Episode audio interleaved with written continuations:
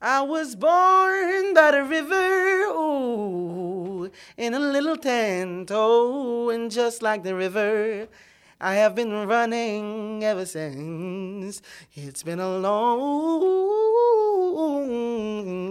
time coming, but I know a change gonna come. Oh, yes, it will. It's been a long time coming, and I know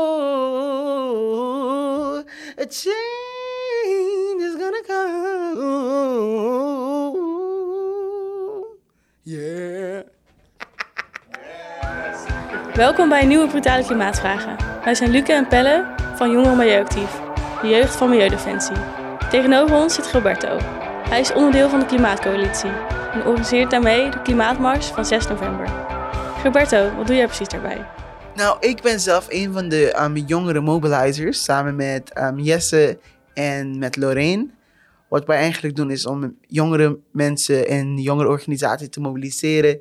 En om samen met hen echt een duurzame beweging op te bouwen. Maar ook op hetzelfde moment mensen mobiliseren om gewoon aanwezig te zijn bij de aankomende klimaatmars. Dus uh, mijn rol en de rol van de jongere organizers is eigenlijk tweeledig. Want op de eerste plek proberen we zoveel mogelijk jonge mensen betrokken te laten worden met de aankomende klimaatmars op 6 november. Maar daarnaast willen we ook dus een, een, een soort van um, netwerk, een soort van um, structurele samenwerking tussen jongere organisaties in Nederland oprichten op basis van ja, de klimaatcrisis en um, die samenvecht voor klimaatrechtvaardigheid. Nou, en ik ben, moet ik toegeven, nog nooit bij een Klimaatmars geweest. Shame on me. Ehm, maar kan jij misschien een beetje uitleggen hoe zo'n Klimaatmars dan ehm, verloopt? Nou, um, ik ben ook niet heel vaak naar klimaatmarsen geweest, wel naar klimaatdemonstraties. Dus um, wat wij proberen dan te doen is, we beginnen dus volgende week. Um, gaan we gewoon op de, de Dam. En, en we beginnen dan wel met een beetje energie. En er zijn verschillende blokken.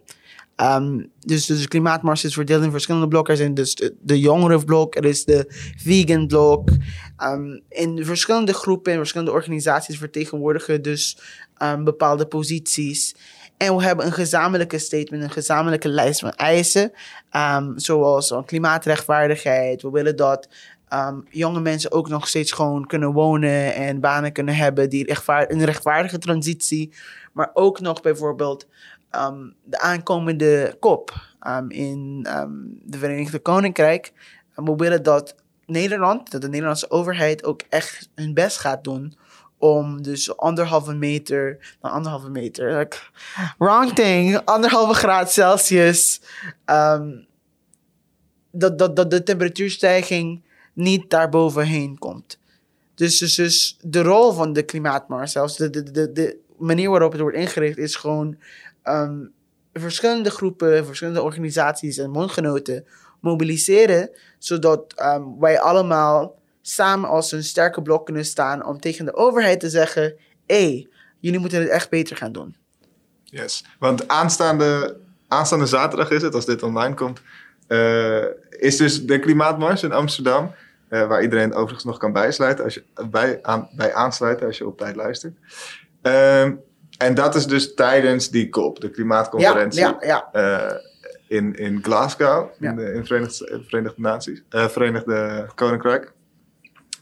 Um, maar de, de, de, de, klimaatmars is dan om aandacht te vragen voor het klimaat. Maar jullie hebben daarnaast ook acht losse punten stonden ja, op je website. Ja, ja, nou, de eerste daarvan is uh, het klimaatdoel van 2030 in lijn stellen met de anderhalve graad opwarming.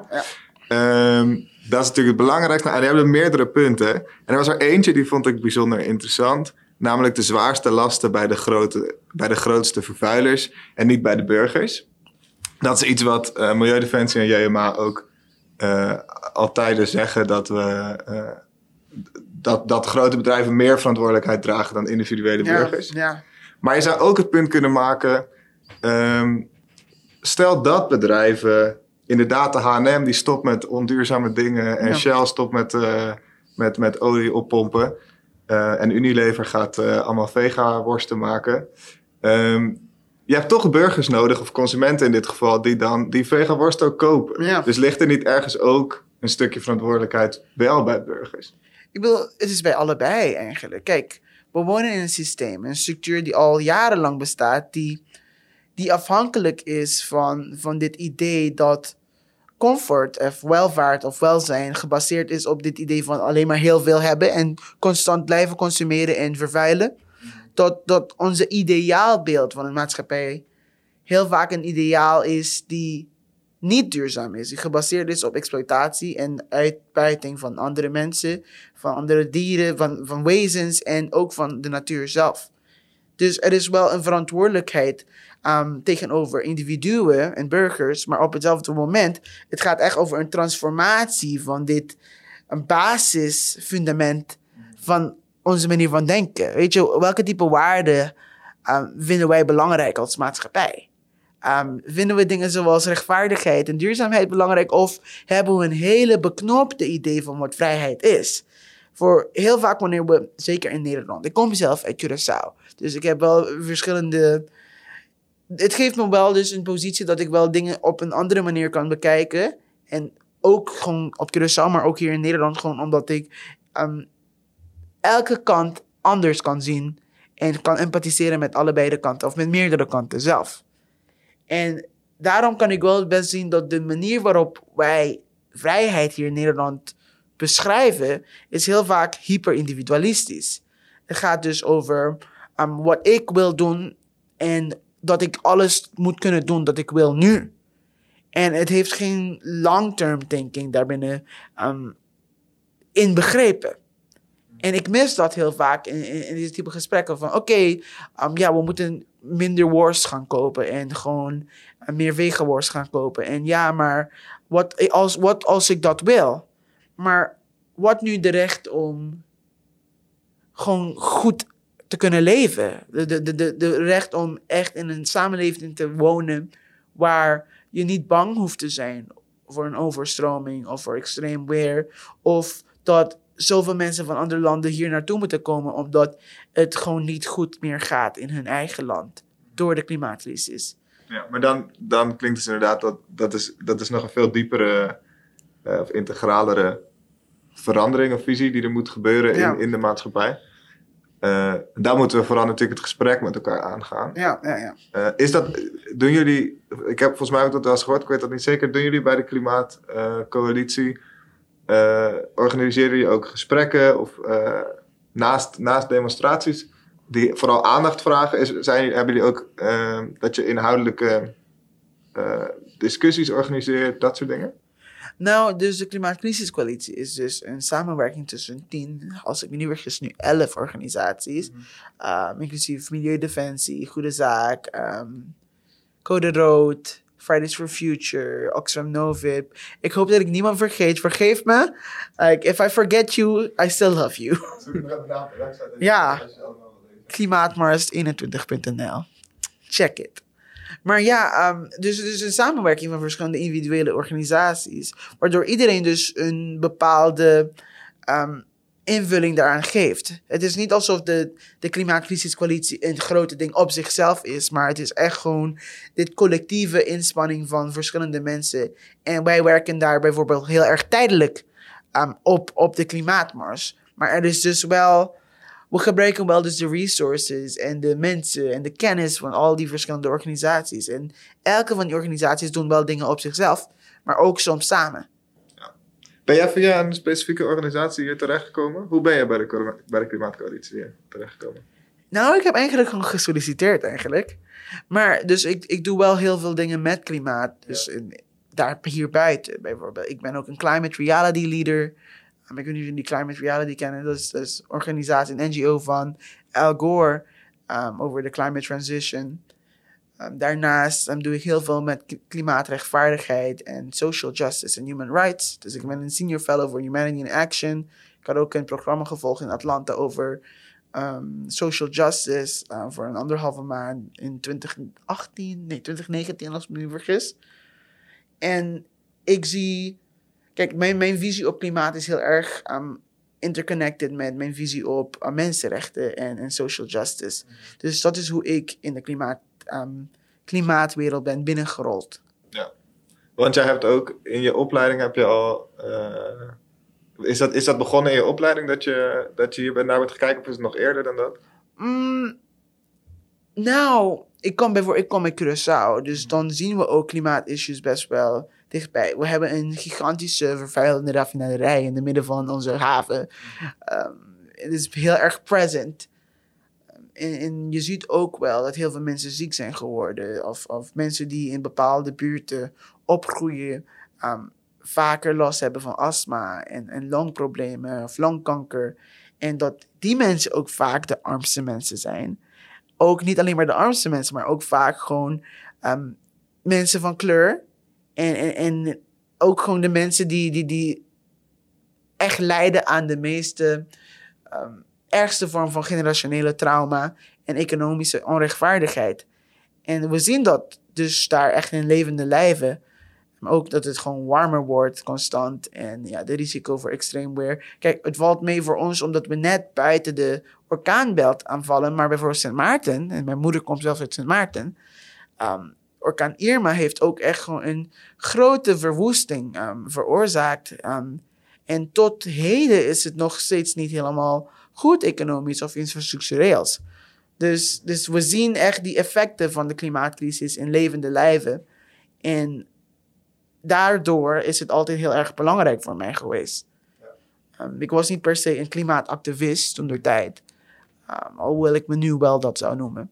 Maar ik heb ook wel gewerkt bij verschillende um, organisaties. Ik heb ook vroeger gewerkt bij het ministerie van Landbouw. Uh, maar dus wel op voedselzekerheid voor de Caribische eilanden. Dus een hele andere nadruk. Maar wel met het oog op klimaatrechtvaardigheid en hoe kunnen we aan voedselzekerheid garanderen op de eilanden.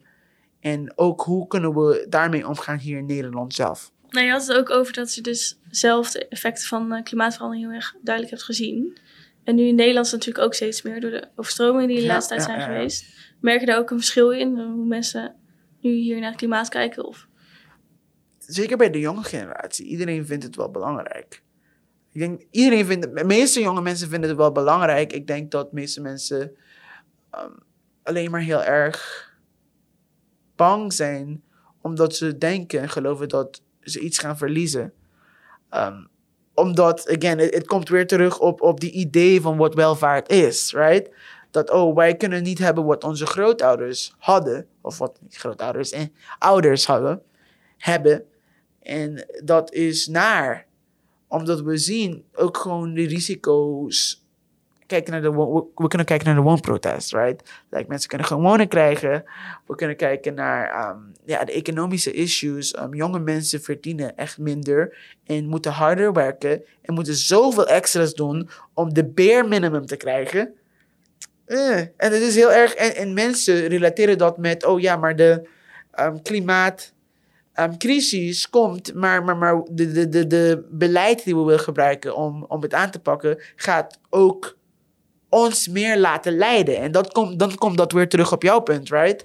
Want als we alleen maar kijken naar consumenten en alleen maar naar jonge mensen en individuen. En we beseffen niet dat we in Nederland een gigantische economische onrechtvaardigheid kennen. Gewoon, ja, als ik me niet vergis, is de, de rijkdom, niet, niet, niet inkomen, maar um, vermogensongelijkheid gewoon like, 70% van alle rijkdom ligt gewoon in de hand, handen van de top 10%. Ja, Nederland, sommige ja, het is soms het idee dat in Nederland heel gelijkwaardig is. We maar... zijn de ergste in de wereld. Gewoon literally, literally. Like, you, you can check the facts. Um, het is gewoon, we, we, zijn nummer één op, slechter dan de VS zelf, op vermogen. Niet op inkomen. Want dat, heel veel mensen raken het door elkaar. Door elkaar. Maar de Gini-coefficient voor um, vermogen in Nederland is gewoon nummer één. En dat zegt wel iets.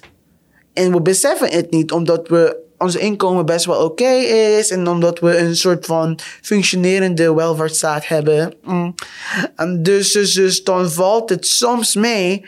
Maar op een langdurige, um, als, als je het langdurig bekijkt, dan niet. Want we zien dat meer, meer mensen minder hebben. Um, nee, en daar, hebben jullie dan ook daarover op de klimaatmars? Zijn er dan ook sprekers die daar ik denk dat economische rechtvaardigheid ook hand in hand gaat. Ook, ook met, met die punt, right? dat de, de, mensen die het meest vervuilen ook uh, meer moeten gaan betalen.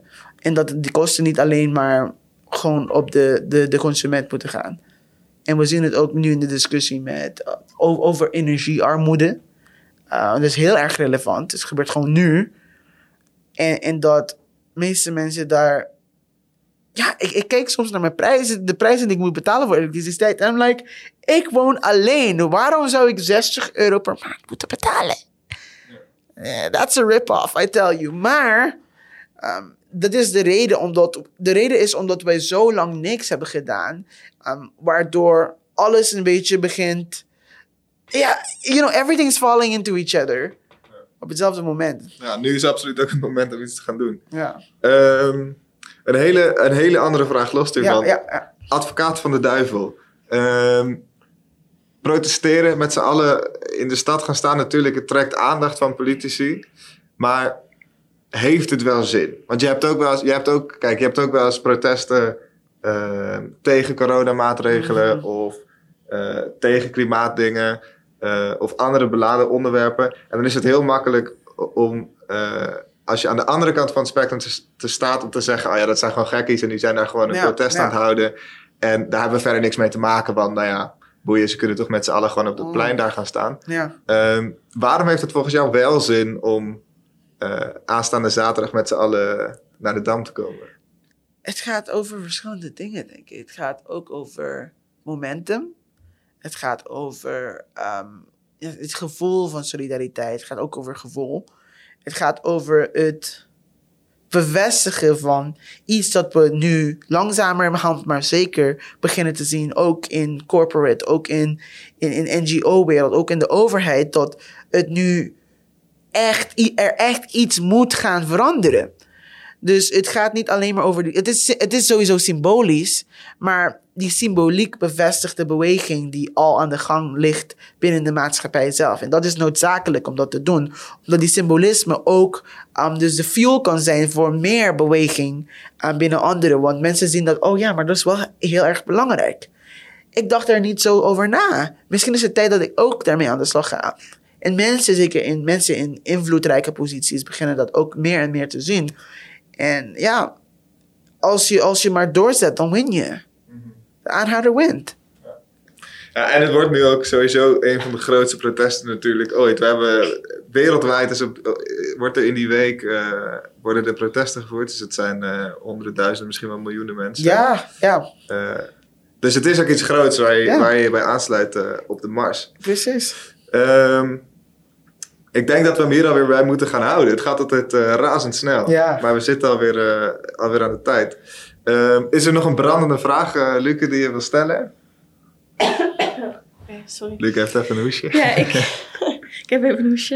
Um, nou, wat me eigenlijk ook afvroeg. Ik, je hebt ook wel eens mensen die gewoon niet kunnen komen. Of ja, ja, ja, ja. Um, ja, op een of andere manier niet erbij kunnen zijn. Wat kan je nog meer doen om je zeg maar in te zetten voor milieu? Of wat ja, nou, dat is een goede vraag. Ik denk, um, gebruik altijd gewoon eerst je stem. Het is zo belangrijk dat, dat iedereen ook aandacht hier aan besteedt. Op social media, maar ook thuis. Weet je, gesprekken um, bij de eettafel. Um, spreek erover. En maar wees ook verbonden met je gemeenschap on the ground. En wie doet wel iets? Hoe kan je helpen um, om mensen echt hun levens beter te maken en zo hen de plek te geven om na te kunnen denken over dingen zoals de klimaatcrisis? Want, want wat we heel vaak niet beseffen, als je aan het lijden bent, heb je geen tijd om na te kunnen denken over de grote existentiële vragen. En dat is een van die trucjes die onze maatschappij, of ja, trucjes, dus echt een van die manieren waarop onze maatschappij um, zo verhard is of zo, het zo moeilijk is om te veranderen. Iedereen is overworked, underpaid, overstressed. En, en als wij dus echt beginnen te begrijpen, oh, hoe kunnen we echt een existentiële een verschil maken in de levens van mensen. En dan op hetzelfde moment ook spreken over dat er een alternatief is voor dit realiteit.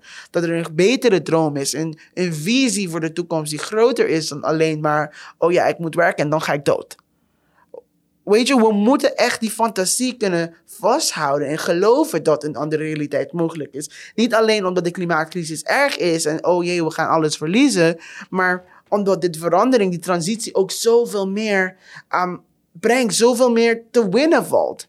Gewoon een droom voor een maatschappij waar we niet alleen maar um, 50, 60 uur per week, 40 uur per week moeten werken, maar dat we ook van elkaar kunnen genieten, dat we in gemeenschap kunnen leven met elkaar, dat we een gemeenschap in, in Dr. Martin Luther King zou zeggen, een beloved community. Um, en, en, en, dat is echt gewoon iets dat wij nu niet hebben. En corona heeft het meer en meer laten zien dat die hyperindividualisme, die ons maatschappij globaal gezien drijft, dat het niet werkt. En, en, en onze systemen, onze instituties kraken en piepen van alle kanten. En we zien het in de politiek. Like, het is echt een total show.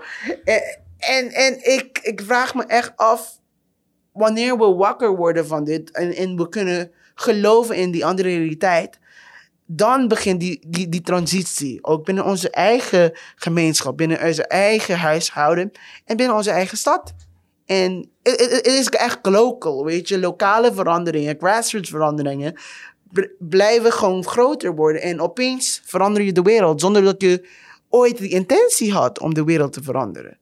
En daarom is het belangrijk dat jullie allemaal naar de klimaatmars komen. Kijk, heel mooi. Uh, Inderdaad, ik hoop, uh, ik hoop zoveel mogelijk luisteraars uh, van de podcast te zien uh, aanstaande zaterdag, 6 november op de Dam. We, we starten met het jongerenblok vanaf Amsterdam ja, Centraal, ja. dus je kan daar alvast aansluiten.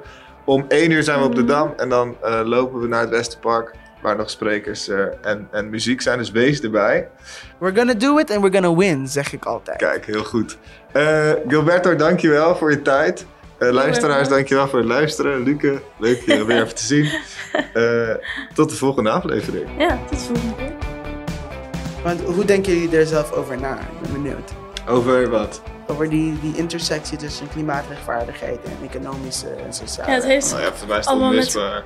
Met... Wat, hè? Volgens mij is het onmisbaar. Om... Want ja. je kan niet...